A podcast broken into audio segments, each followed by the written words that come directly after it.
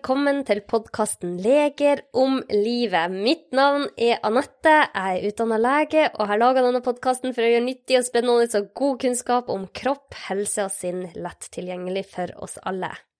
I dag har jeg med meg en psykolog ved navn Line Rustberg Gaard. Hun har også videreutdanning i kognitiv og metakognitiv terapi, og har i mer enn ti år holdt mestringskurs for personer med overdreven bekymring, sosial angst, panikk, helseangst, overspising, depresjon og søvnplager. Hun jobber også som barnefaglig sakkyndig for tingretten, og driver i tillegg egen praksis. Hun Line hun har gitt ut to bøker, Søvnskolen i 2020 og Snakk mindre om det, seks steg til mindre bekymring, som kom ut i fjor. Og den har jeg lest, og det var kjempespennende, så jeg elsker den tittelen, Line.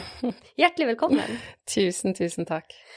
Har du fått eh, mange tilbakemeldinger på den tittelen? Snakk mindre om det. Det er liksom kontraintuitivt, for vi har jo kanskje blitt lært opp i at vi skal snakke så mye vi kan om våre bekymringer. Ja, ja, det, det, har jeg absolutt. Men det de fleste gir meg tilbakemelding, er faktisk positive tilbakemeldinger. At de syns det er litt forfriskende, og at uh, det er flere som er enig i at uh, det er noen ting vi skal snakke mindre om, og så er det kanskje andre ting vi skal snakke mer om. Ja. Mm. Jeg har jo lest den boka, og det er seks steg, som du skriver, som gjør at vi kan bekymre oss mindre. Men Eh, det første jeg spurte deg om nesten når jeg møtte deg, var sånn Men er, vi, er, er, det bare noen som er født til å bekymre seg mer? Er det noen som automatisk bekymrer seg mindre enn andre? Vi har jo alle møtt på de der personene som det ser ut som alt bare preller av de. Hvordan mm. eh, opplevde du det i praksis? Ja, eh, det, jeg sa jo litt om det da, at jeg tenker at det kan jo være at noen har um, noe mer disposisjon, da, kan du si, for å bekymre seg. Mm. Men det som er viktig for meg da å formidle, er at alle kan bekymre seg mindre dersom de ønsker å bekymre seg mindre, og at det er en ferdighet man kan øve seg på. At det krever kun å øve seg på riktig måte, da, så kan man bekymre seg mindre. Og så er det noen som tar det lett, og noen som må øve mer. Ja, og det, det syns jeg er fascinerende, fordi at jeg var jo en person som bekymra meg masse før. Mm. Altså, jeg, var, jeg, jeg bekymra meg mye. Jeg husker jeg lå masse på natta og bekymra meg, og hadde også mange katastrofetanker, sånn hvis ikke jeg gjør det, så kommer det til å skje, og liksom hadde de der, den der tankerekken som ikke får noe godt med seg. Mm. For de fleste bekymringene skjer jo aldri. Men jeg er jo blitt en person som bekymrer meg veldig lite, vil jeg si nå og bruker egentlig veldig lite tid på å bekymre meg. Så er jo et levende eksempel på at man kan gå fra å være en som bekymrer seg mye, til å være en som er på en måte i motsatt ende av skalaen. Men da kan man jo øve seg.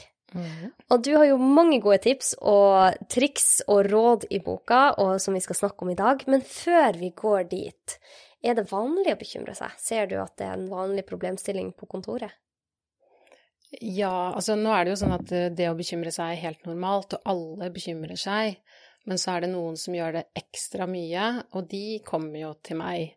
Og så er det mm, sånn at man kanskje begynner å jobbe med én problemstilling, og så dukker det opp en annen. Mm. For eksempel så får jeg en del klienter på grunn av søvnplager, eh, som også på en måte viser seg å ha en del overdreven bekymring, da som man jobber med underveis i behandlingen. Ja, mm. ja, ja, ja, for det merker jeg. Jeg har hatt søvnkurs, og det er jo veldig vanlig å bekymre seg, særlig på natta. Ja. Og mange av de får jo mye bedre søvn når de slipper å bekymre seg så mye. Absolutt. Ja. Så, så, de som sover dårlig, de får jo ofte en sånn en litt sånn skrekk knyttet til det å sove, og kan gå gjennom dagen og grue seg og bekymre seg for at de skal legge seg senere, da på kvelden til ja. å sove. Kan bruke ganske mye tid på det, også når de ligger da endelig i senga, hvor de ikke har noe stimuli eller noe annet som skjer, eller distraksjoner, så vil det også ofte være sånn at uh, bekymringene uh, dukker opp, da. Og at de kanskje da trenger å lære seg teknikker for å håndtere det. Mm. Mm. Ja, så det, det, er ganske vanlig å bekymre seg. Ja. ja er... alle, alle, bekymrer seg. Ja. ja. Og så er noen skikkelig, skikkelig gode på det. Ja. ja. Og kan bruke mange timer om dagen på det. Ja. ja og la livet på en måte uh, utfolde seg ut ifra eh, hva de bekymrer seg for, da. Det vil si at de unngår ting som de kanskje ellers ville gjort, eller at de også gjør noe overdrevent mye, da.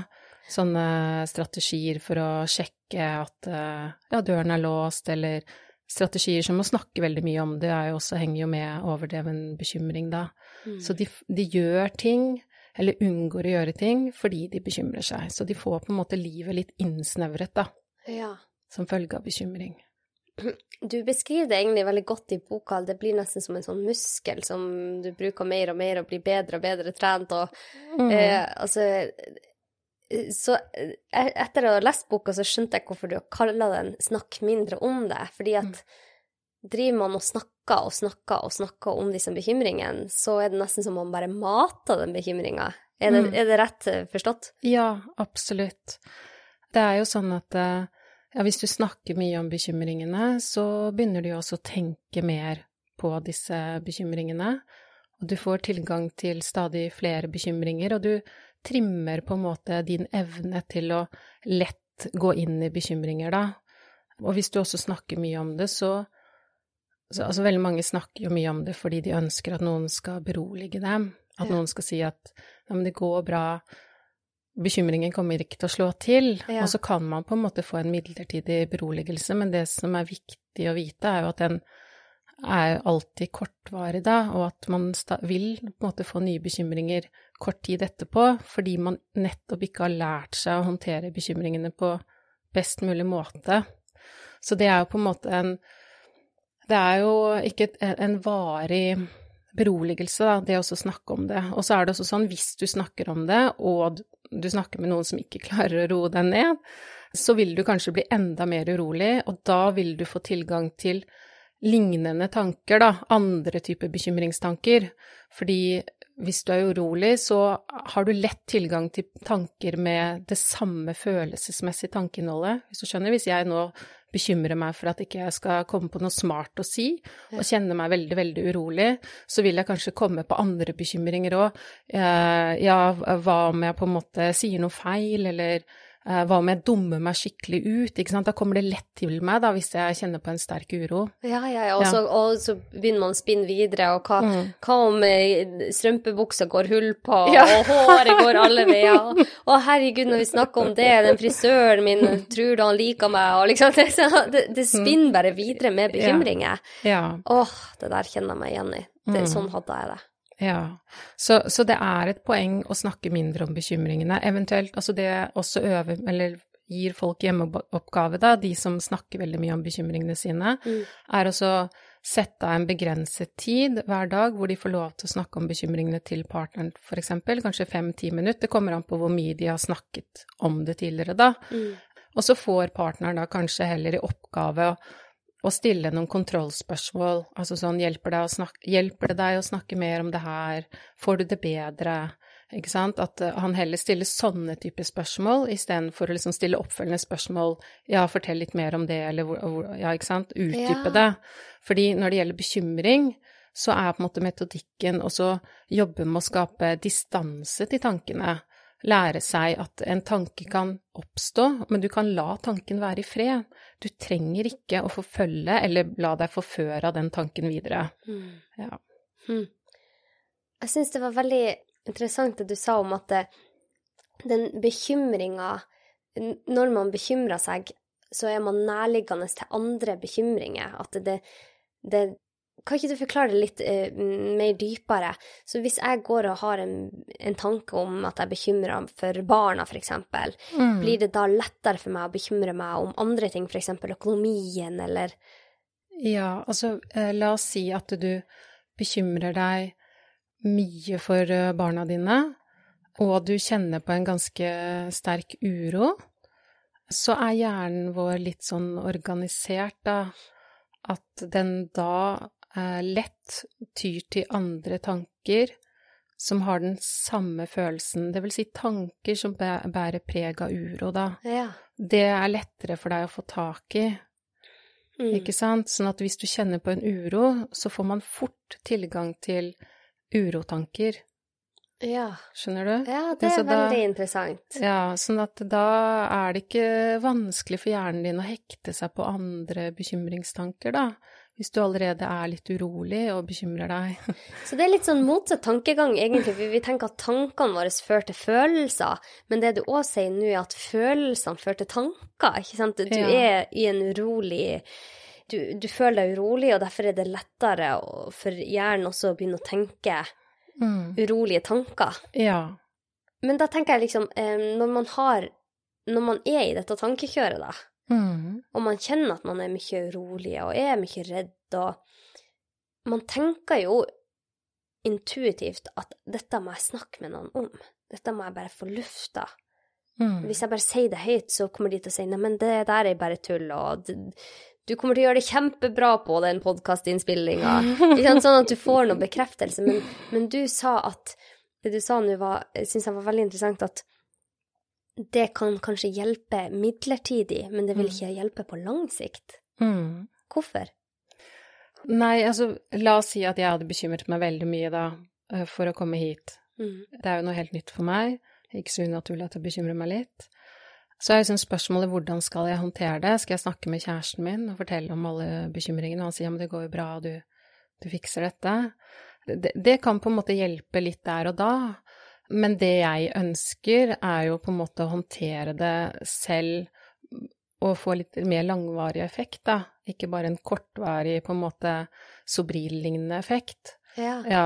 Sånn at det, det beste vil jo da være å bestemme seg for at det er ikke så nyttig for meg å bekymre seg for da hvordan jeg gjør det i podkasten til Anette. Ja. jeg, jeg, får ta det når jeg er der. Ja. Akkurat de tankene utsetter jeg til en kontortid. Ja. Ikke sant?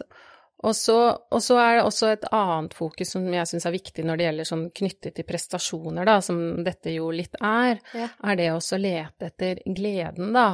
Eller, ikke sant, ja, men det blir gøy å møte Anette. Jeg gleder meg til å møte henne. Det blir et fint liksom, møte med et nytt menneske. Altså den relasjonen og kontakten med mennesket er viktigere enn hvordan på en måte selve prestasjonen er, da. Mm. Hvis det er bekymringer for prestasjon, som f.eks. For foredrag og sånn, så tenker jeg på en måte at det, man skal lete etter gleden i det man gjør, da. Mm. Eh, at det er um, også et viktig fokus i den type tematikk som går på prestasjoner, da. Så ikke alt eh, Hvis jeg skal holde et foredrag, la oss si i morgen, for mm. masse folk, mm. så hvis jeg bare tenker på 'Å, herre min, hvis det går dårlig', tenk hvis det går dårlig, og dette blir Jeg har aldri gjort det før for så mange mennesker. Hvis alle mm. tankene mine går på bekymringen, mm.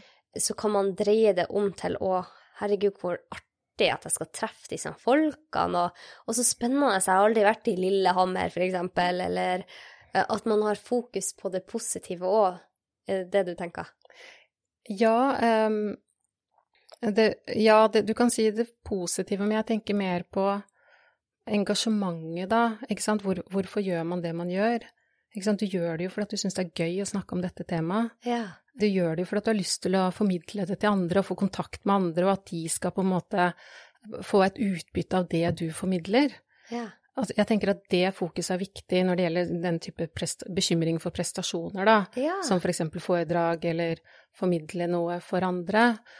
Men når det gjelder sånn, bekymringer generelt, så, så, vil jeg på en måte oppfordre folk til å øve seg på å la bekymringene være der i bakgrunnen, og be dem måtte komme tilbake til et annet tidspunkt, og rette på en måte oppmerksomheten tilbake til øyeblikket. Ikke sant? Det du har, er akkurat her og nå. Mm. Mm.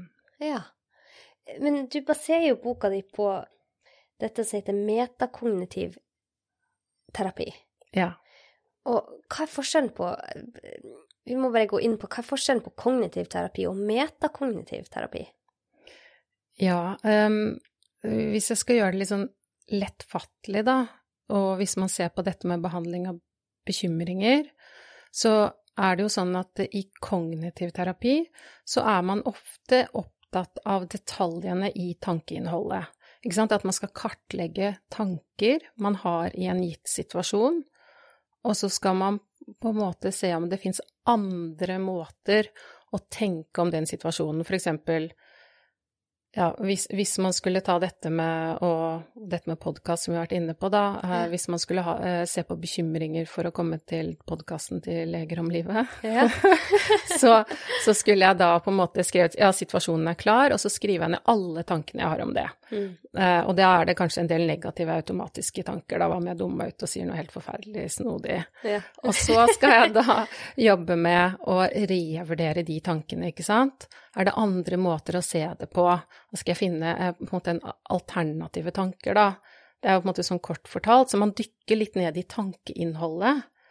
Mens i metakognitiv terapi så er man opptatt av å la måte, den type negative tanker være i fred, og øve opp evnen til å observere de tankene, men å ikke eh, liksom gå inn i innholdet i dem, da, hvis du skjønner.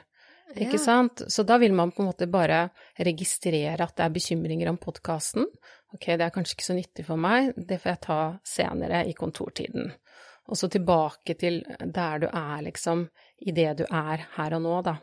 Ja, så man skal ikke grunne veldig på det og prøve å gå inn i det og kanskje bekymre seg unødvendig. Det mm. du skal prøve å være her og nå, mm. og så la de tankene få være sånn som de er. Det er litt sånn mindfulness.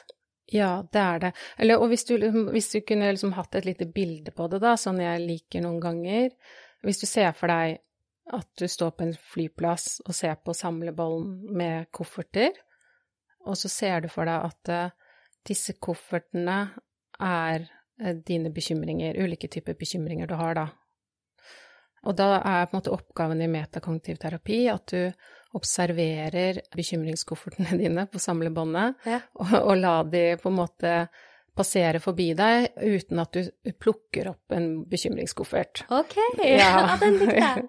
Mens i noen andre terapiformer så ville man jo åpnet bekymringskofferten og tittet på det, og mm. analysert det og lurt på hvorfor er det sånn, eh, ikke sant. Mens i metakognitiv aktiv terapi, så lar man bekymringskofferten da eh, gå forbi, og den kan jo komme forbi flere ganger, men du skal ikke gjøre noe med den, la den være der mm. på samlebåndet, og så kan du fjerne deg mer og mer fra liksom eh, samlebåndet, da, så du observerer på lengre og lengre avstand på sett og vis, da. Så bekymringene kommer mer og mer i bakgrunnen. Men hvorfor skal man ikke åpne kofferten og grave seg dypt inn i det?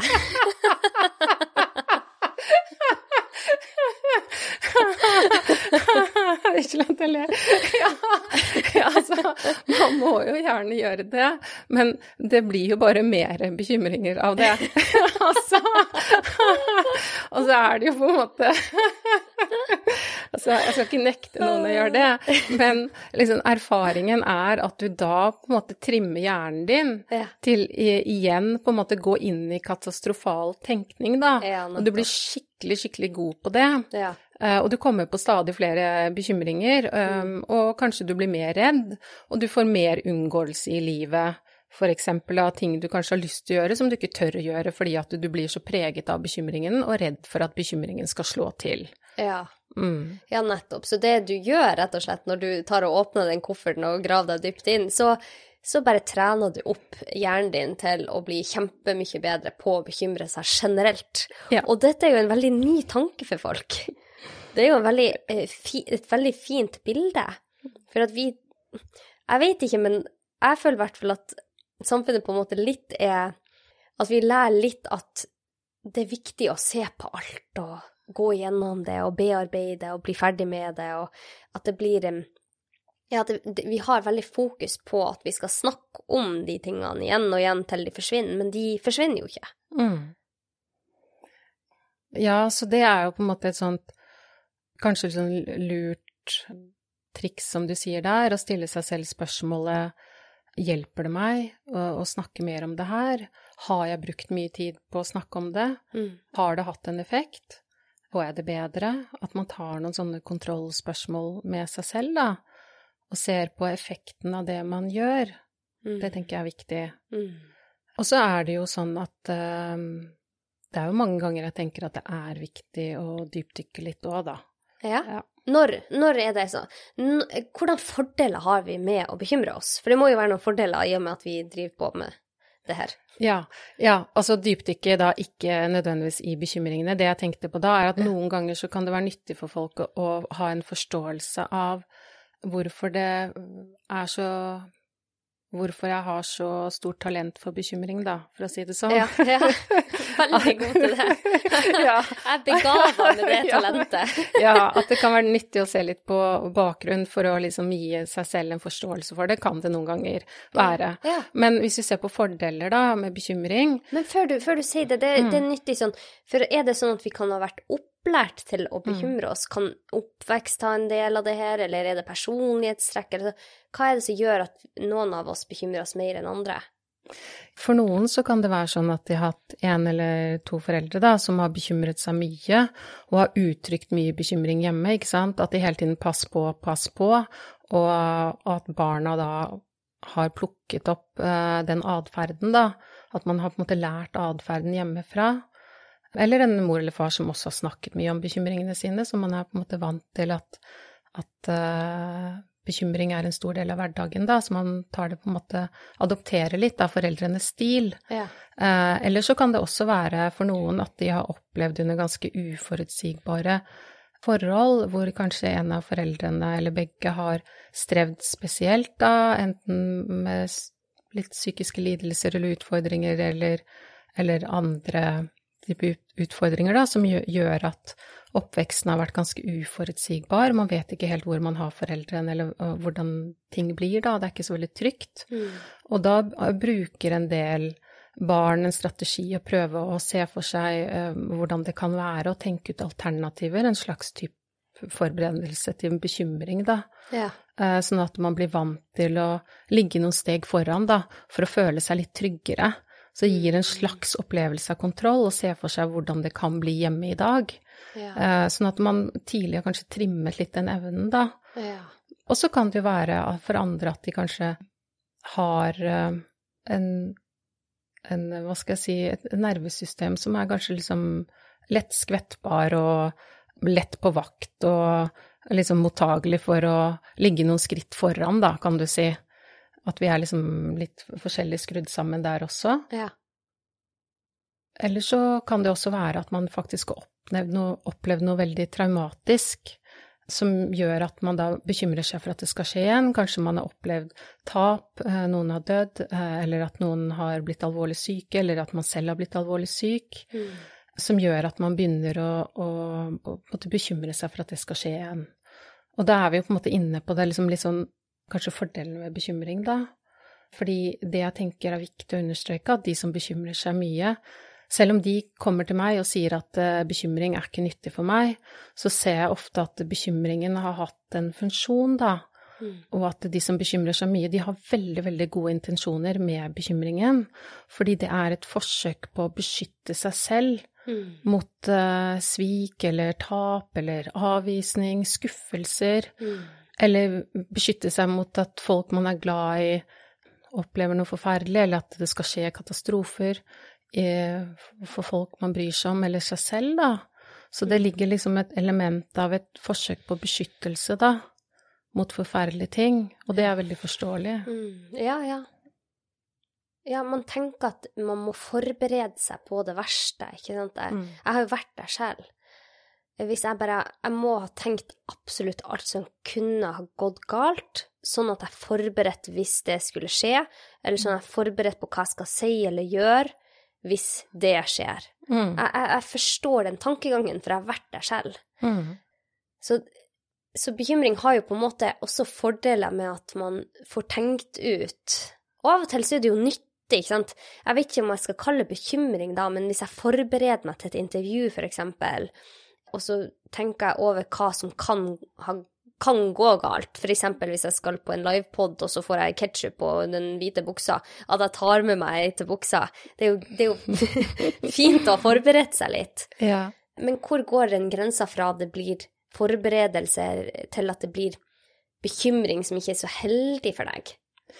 Ja, altså, jeg, jeg tenker jo at det du beskriver, er jo Kanskje ikke nødvendigvis bekymring, da, fordi um, å bekymre seg, det er jo på en måte noe som skjer i tankene, og som er veldig passiviserende på sett og vis, da. at man blir liksom mer passiv av å bekymre seg. Men det du sier, er, eller det du forteller om, er jo kanskje liksom mer en, en form for problemløsning, da. Ja. Uh, hvor man også tar høyde for et scenario som kan skje, men som innebærer et tiltak, da. Mm. Altså ikke sant, at du tar med en ekstra strømpebukse eller et eller annet fordi du vet at du har en hang til å Og, og, og grise Ja. med mat, liksom. ja. Så jeg, jeg vet ikke om det er liksom innenfor uh, bekymring, men fordi veldig mange sidestiller problemløsning med bekymring. Ja. Og jeg tenker sånn, hvis man har et faktisk problem, Ja. altså si at man har høy gjeld og har problemer med å betale regningene, Ja. Så går det jo an å gjøre konkrete tiltak for det, som vil være fornuftig, som er en form for problemløsning. Men, men det å bekymre seg hele tiden for at man har dårlig råd, som kan være forståelig, men ikke gjøre noen tiltak, eh, det vil ikke være like nyttig da. Nei. Mm. Eh, men det er jo veldig mange som bekymrer seg, som mener at det de gjør, er på en måte problemløsning, da. Ja, det er klart. Hvordan, eh, hvordan skal de klare å se om det de driver med, faktisk bare er bekymring, som ikke fører til noe bra, eh, mot eh, faktiske problemløsninger? Ja, så da er det jo kanskje å stille seg selv spørsmålet er dette noe jeg kan gjøre noe med? I så fall, hva kan jeg gjøre, og iverksette noen tiltak? Og, eller er det på en måte tanker om noe jeg ikke kan gjøre noe med, altså øh, hvor jeg ser for meg at det skal gå riktig så ille? Da er det bekymring, og det må jeg kanskje eh, la være, da. Eller jobbe med å Ja. gi slipp på de tankene. Å, herregud, jeg gleder meg til vi kommer til den delen der, for at det å lære seg å ikke grave seg ned, er en utrolig fin og god egenskap å ha. I hvert fall for mitt liv har det vært eh, veldig deilig å slippe å bruke så mye tid på bekymring, og jeg tror mange har Jeg vil merke stor forskjell i livet sitt da, hvis de hadde kunnet slutta eller bekymra seg mindre enn det de gjør akkurat nå. Og Mm. akkurat nå så befinner vi oss i en verden der det er 10 000 ting å bekymre seg for. Det er jo uunngåelig nesten å ikke bekymre seg for hvordan verden er. Ja. Eh, og da tenker jeg det er enda bedre, eller enda viktigere, å kunne ha noen verktøy. Mm. Men så nå har vi snakka om dette med hva som er fordelen med å bekymre seg. Det er jo Mm. at man kanskje kan klare å finne noen løsninger som man ikke hadde funnet, men det du sier, er at det er ganske sjelden det har noe for seg å bekymre seg unødvendig mye. Mm.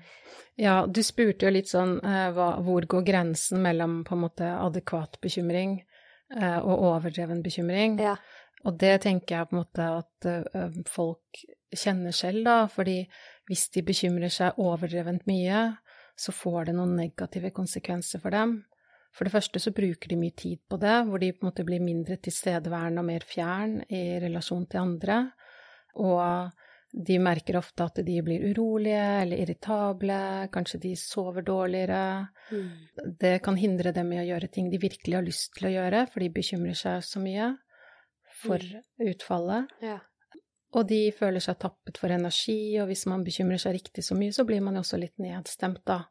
Så det er jo på en måte ofte noe man legger merke til selv, eller at folk rundt en uh, også legger merke til da.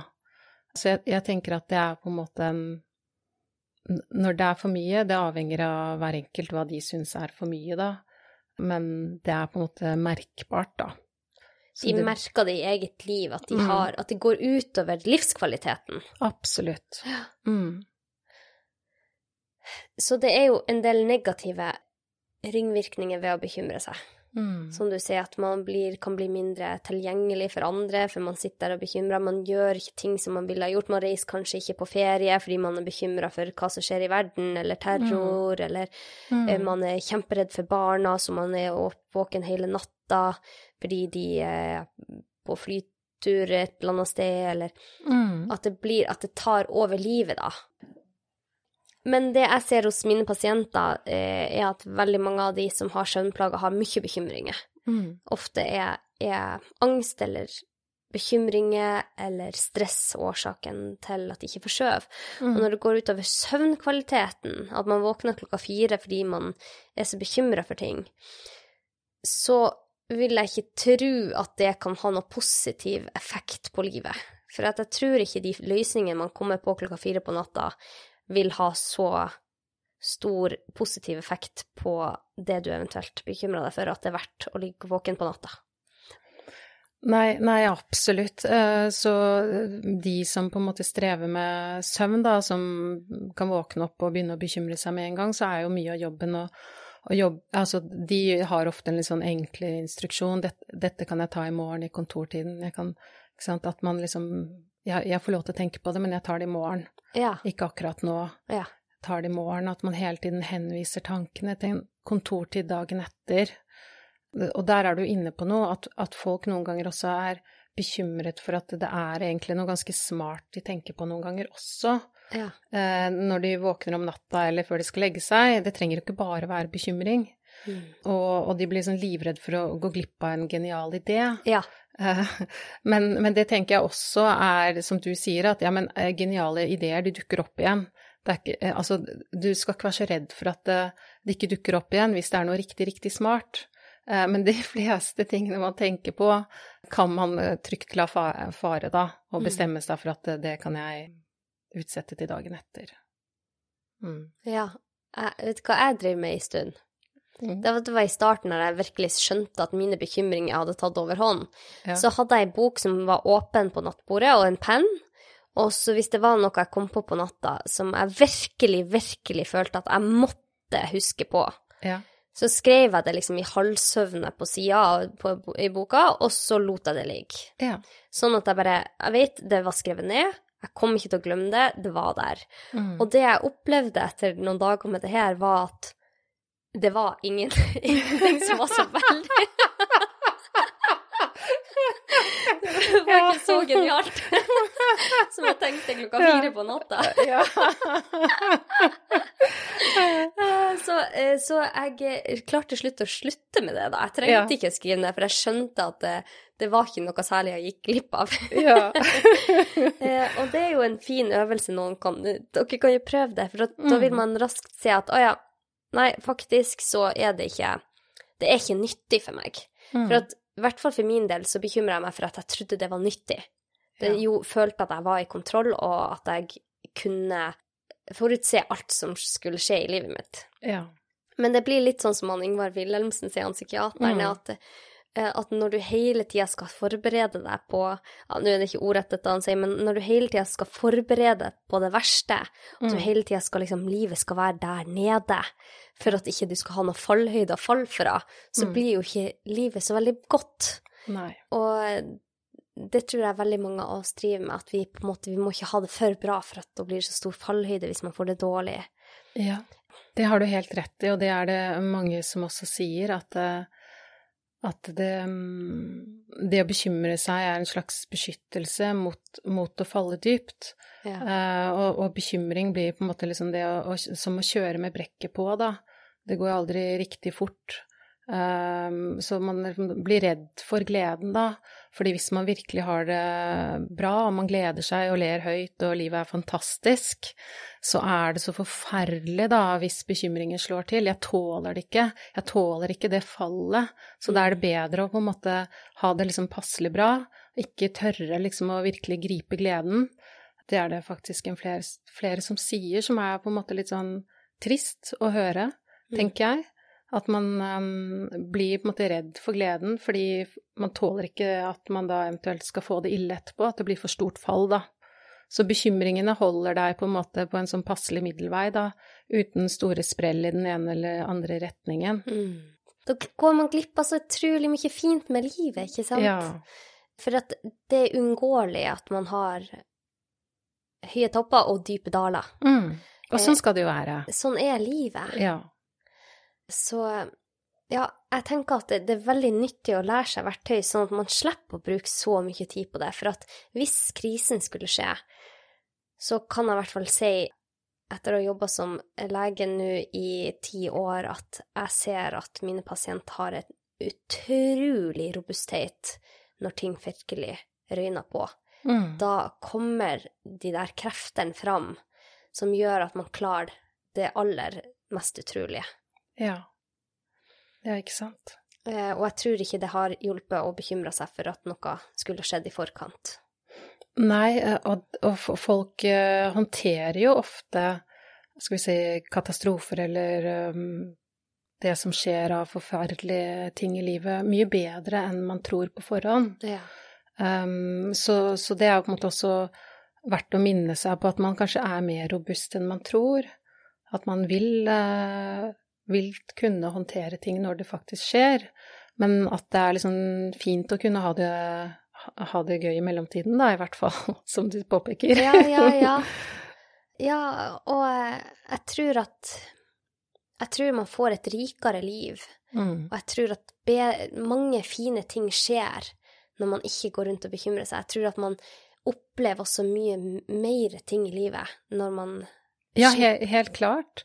Uh, og det er jo på en måte et, et viktig poeng, det, det, du sier, at man opplever uh, liksom får et rikere liv. Fordi dersom man bekymrer seg mye, så vil oppmerksomheten din henge ved tegn til at bekymringen slår til, da. Ja. Sånn at man går glipp av informasjon som kan gi deg glede. Og man går også glipp av muligheter uh, fordi man nekter seg selv ting fordi man bekymrer seg.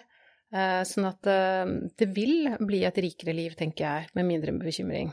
Ja, og ja. hvordan kan vi få til dette, Line?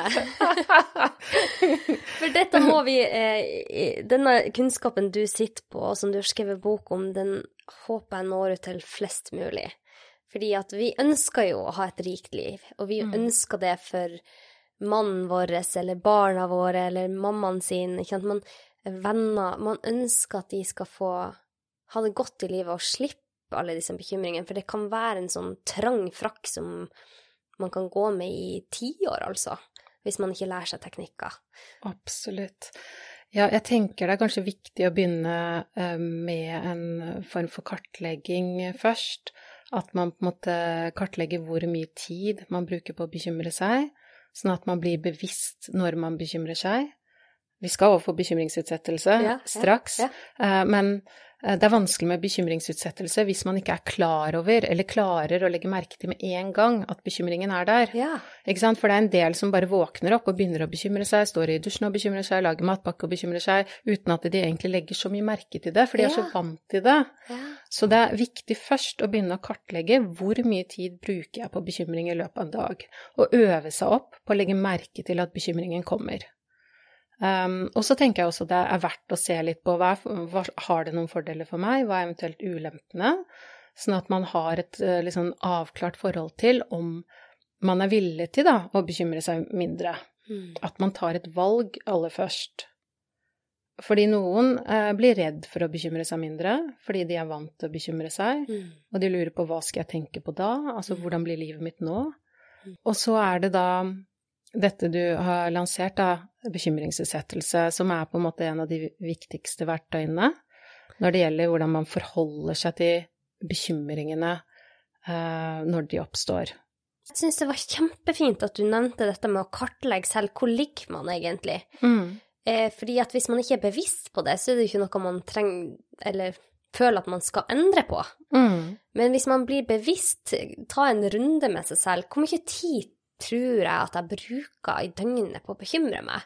Mm. Og bare bli bevisst tankene sine, sånn som du sier når du smører matpakken til barna. Hvis det mm. eneste du tenker på er 'Å, herregud, tenk hvis de får denne pølsa i halsen', og mm. sant, At de tankene der går ja. hele tida eh, mm. ubevisst. Ja. Så det å bare bli bevisst på tankene sine vil ha en så utrolig stor betydning for livet. Og Mm. ut ifra det kan man jo gjøre endringer. Men Mm. har man ikke det, den bevisstheten, så er det jo veldig vanskelig å gjøre noe med det. Ja, absolutt. Eh, Så det er ofte første skritt, da. Eh, Og så tar man en litt sånn eh, dykk inn til fordeler og ulemper. Og så eh, havner man ofte på et valg da om at man har lyst til å teste ut en teknikk som heter bekymringsutsettelse.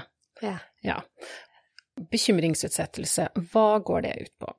Jeg pleier ofte, da, når jeg har eh, klienter på kontoret, så pleier jeg å demonstrere denne øvelsen ganske sånn um, som et lite skuespill, eh, hvor jeg går bort til døra til kontoret og, og beskriver da at for de som bekymrer så mye, så er det sånn at bekymringene henger utenfor døra, da, liksom hele tiden. Mm. Og hvis man er vant til å bekymre seg mye, så bare åpner man døren og lar på en måte bekymringene komme litt sånn ukritisk inn, da. Ja. Og man eh, liksom tenker ikke på at man kan eh, si til bekymringene at det, det passer ikke nå, dere må komme tilbake til et annet tidspunkt.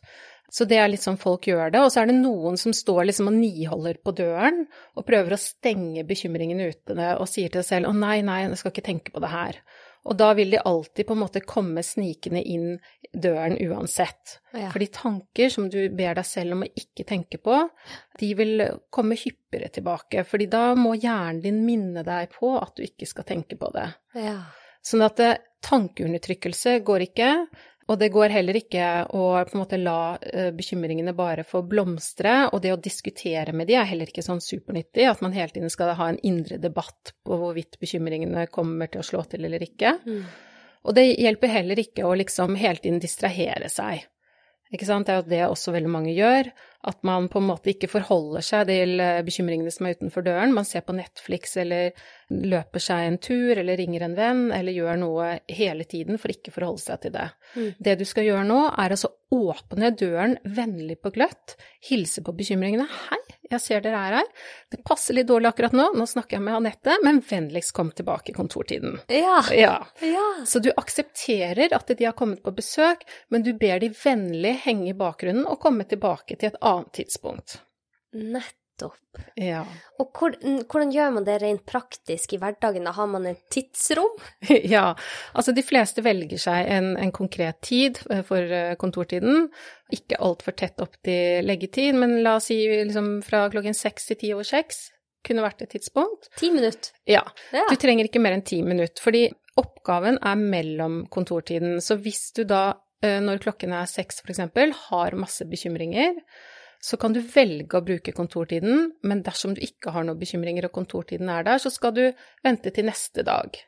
Ja. ja. For at du trenger sannsynligvis ikke å bekymre deg hver eneste dag i eh, Nei. den tida. Mm. Nei, og så er meningen at du skal bruke kontortiden på en spesiell måte. Jaha? Ja, at du da sorterer bekymringene dine i overskrifter. Altså det er uh, bekymringer jeg kan gjøre noe med nå, det vil ikke være så mange av bekymringene. Det kan være hvis du bekymrer deg for ubetalte regninger, dekk som skal legges om og sånne ting. Og da på en måte skrive ned tiltak da, til det du faktisk kan gjøre noe med. Ja. Og så er det jo den største bolken vil være bekymringer du ikke kan gjøre noe med. Ikke sant? Eh, bekymringer for barna, fremtiden, sykdom, karrieren hva det nå enn skulle være. Men da er det å sortere i overskrifter hva det dreier seg om partner, barn, eh, helse, ja, ikke sant? Så man skal ikke gå inn i bekymringene i eh, kontortiden. Det er mer en sorteringsoppgave for å på en måte se litt hva det dreier seg om, eventuelt gjøre tiltak der man kan gjøre tiltak. Ok. Mm. Så man skal ikke på en måte åpne den kofferten og gå i bunnen Nei. og si at ja, nå har jeg det så ille begrunna det, og så trekker man det helt tilbake til barndommen, og så grunner man enda mer på det, mm. og så er det barndommen, og så er det Ja. ja. Man, skal ikke, man, skal ikke, grave seg helt ned i det. Nei. Mm. Fordi det du nå øver deg på, er å la disse tankene være i fred. Ja. Ja. Ja, hvordan er det da med Jeg bare tenker på de som har La oss si at de har et, et reelt traume, for eksempel, mm. som de ikke har fått bearbeid, um, eller de har noe reelt som de føler de må få tenkt på ordentlig. Um, ja. når jeg tenker på traumer, så tenker jeg at kanskje det er lurt å faktisk ha, ha mm. støtte, ha profesjonell hjelp i en mm. periode for å, å, kunne bearbeide de tingene. Ja. Men de fleste har jo på en måte kanskje et reelt problem med økonomien, da. Ja. Eh, hvordan ville du ha gjort det i en periode? For dette, det er kanskje bare i en periode når renta er så høyt, la oss si. Mm. At de føler virkelig på den økonomiske bekymringa. Mm. Hvordan ville du gjort det rent praktisk? Hvis vi først man... tar det med traumer, da, ja. så, mm, så er jo ikke dette Um, nå snakker jeg jo mest om overdreven bekymring, da, men la oss si du har eh, traumer, så vil jeg jo tenke at du kanskje trenger noe mer enn bekymringsutsettelse, da. Mm. Eh, og at det er viktig å søke hjelp for traumebehandling. Mm. og at man kan få god hjelp for det, Mm. men at bekymringsutsettelse i seg selv er ikke tilstrekkelig. Nei. Nei. Det er bare greit å ha Mm. nevnt. Absolutt. Mm. Mm. Men enn hvis det er noe som skjer akkurat her og nå? Mm. La oss si at barnet ditt har problemer på skolen, Mm.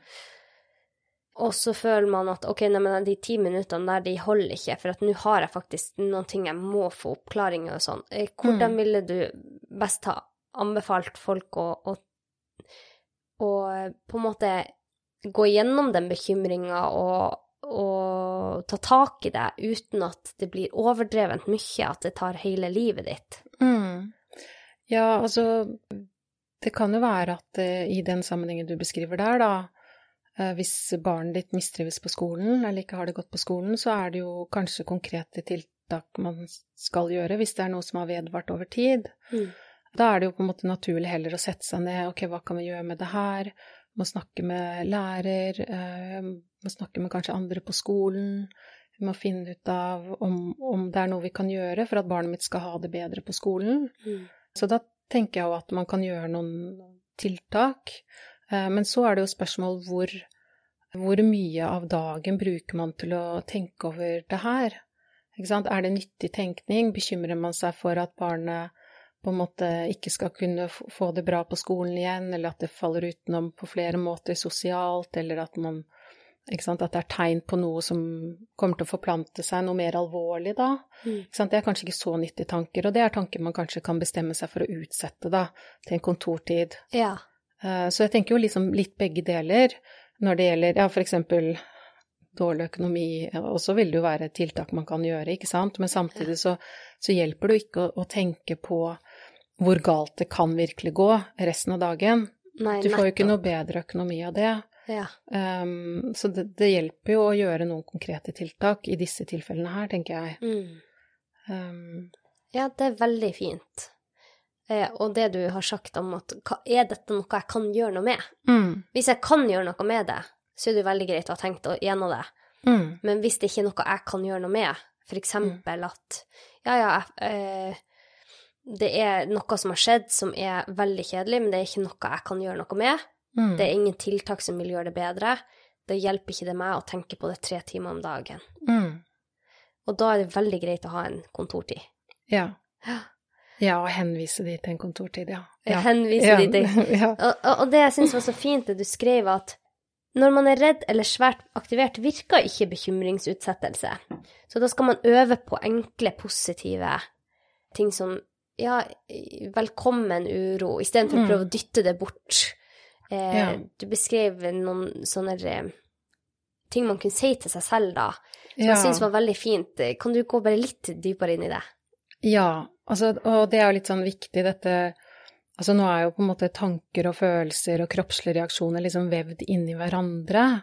Men eh, det med bekymringsutsettelse, utsettelse, dreier seg om tanker, og hvordan man forholder seg til bekymringstanker. Ja. Og så er det jo sånn at eh, dersom man blir veldig redd eh, eller svært urolig, så vil det være vanskelig å jobbe med den bekymringsutsettelsen, som du sa. Og da er det på en måte viktigere å jobbe med hvordan man forholder seg til uroen eller redselen, da, eller kanskje angsten i dette tilfellet. I kroppen. Ja. Hvor det sitter i kroppen. Ja, og der skal man eh, forholde seg annerledes til det enn det man gjør med tankene. Så man skal ikke skyve bort disse følelsene eller denne uroen. Da skal man heller lene seg inn i det og ønske det velkommen og, og på en måte behandle den følelsen med en raushet, da. Og grunnen til det er jo flere. Det er jo det at du da sender et signal til hjernen din om at du er trygg. Det er noe du ønsker Mm. mer av. Det er noe du har høy liksom, aksept for.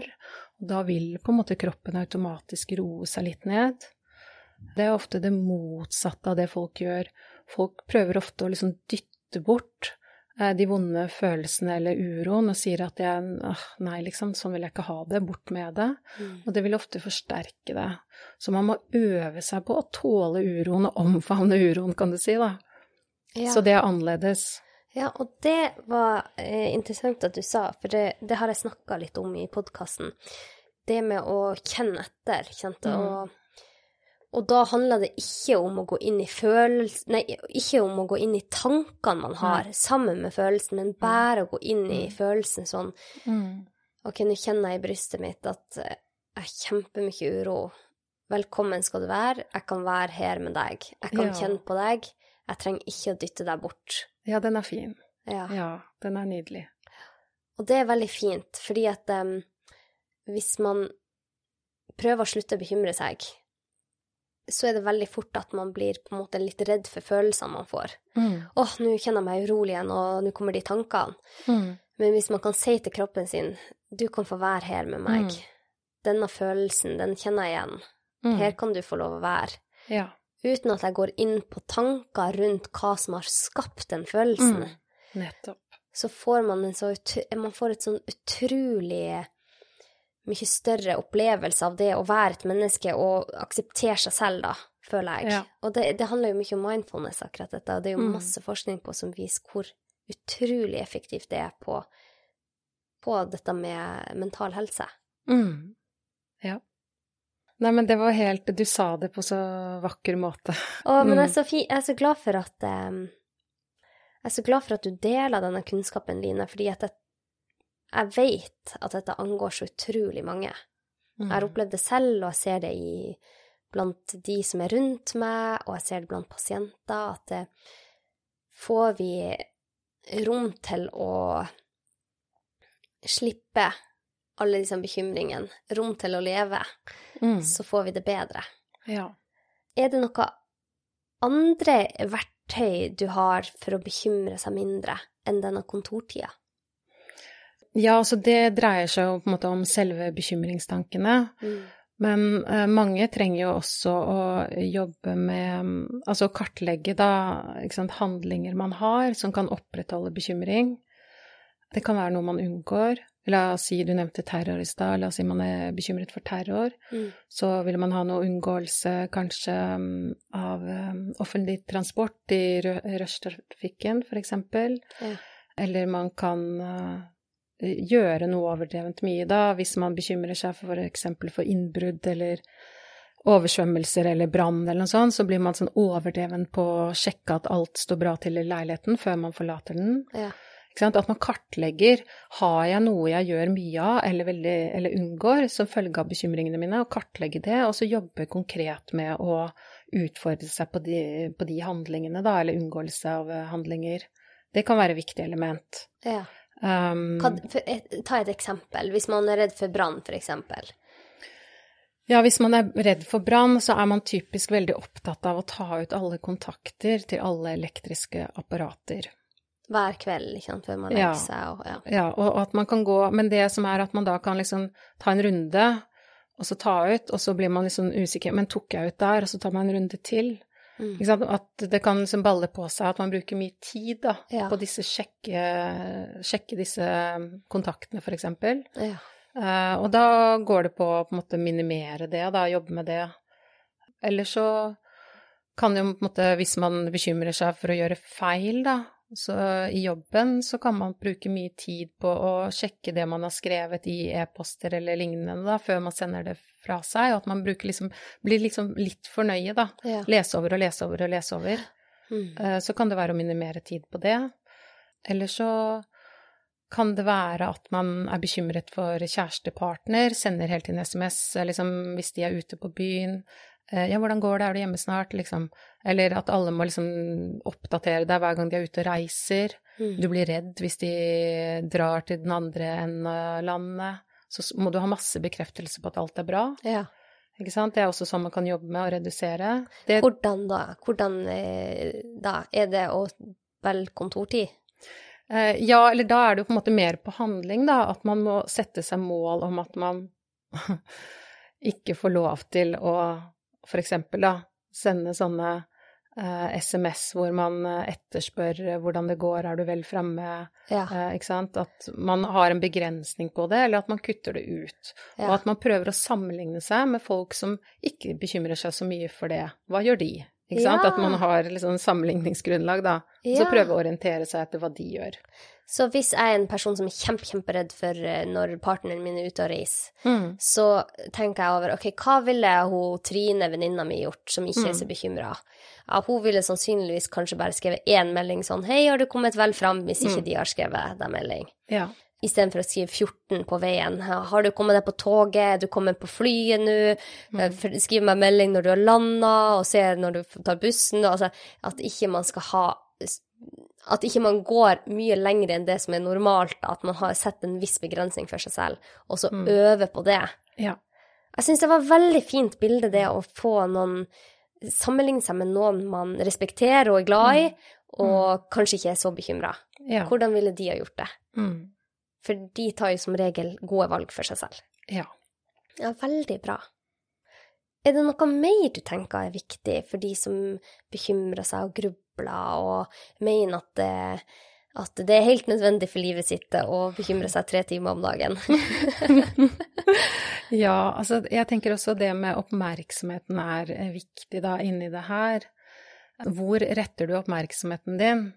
Ser du, ikke sant, hvis du er eh, bekymret for at folk ikke liker deg, da, for eksempel.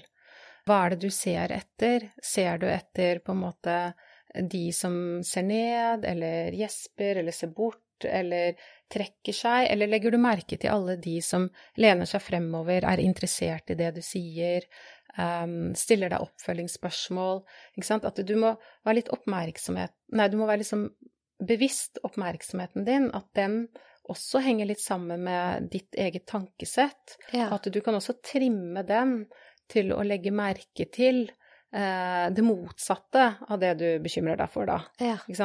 Let etter tegn på at du blir likt. Ja. Eh, let etter tegn på at du får det til. Ja. Ja, det syns jeg er fint.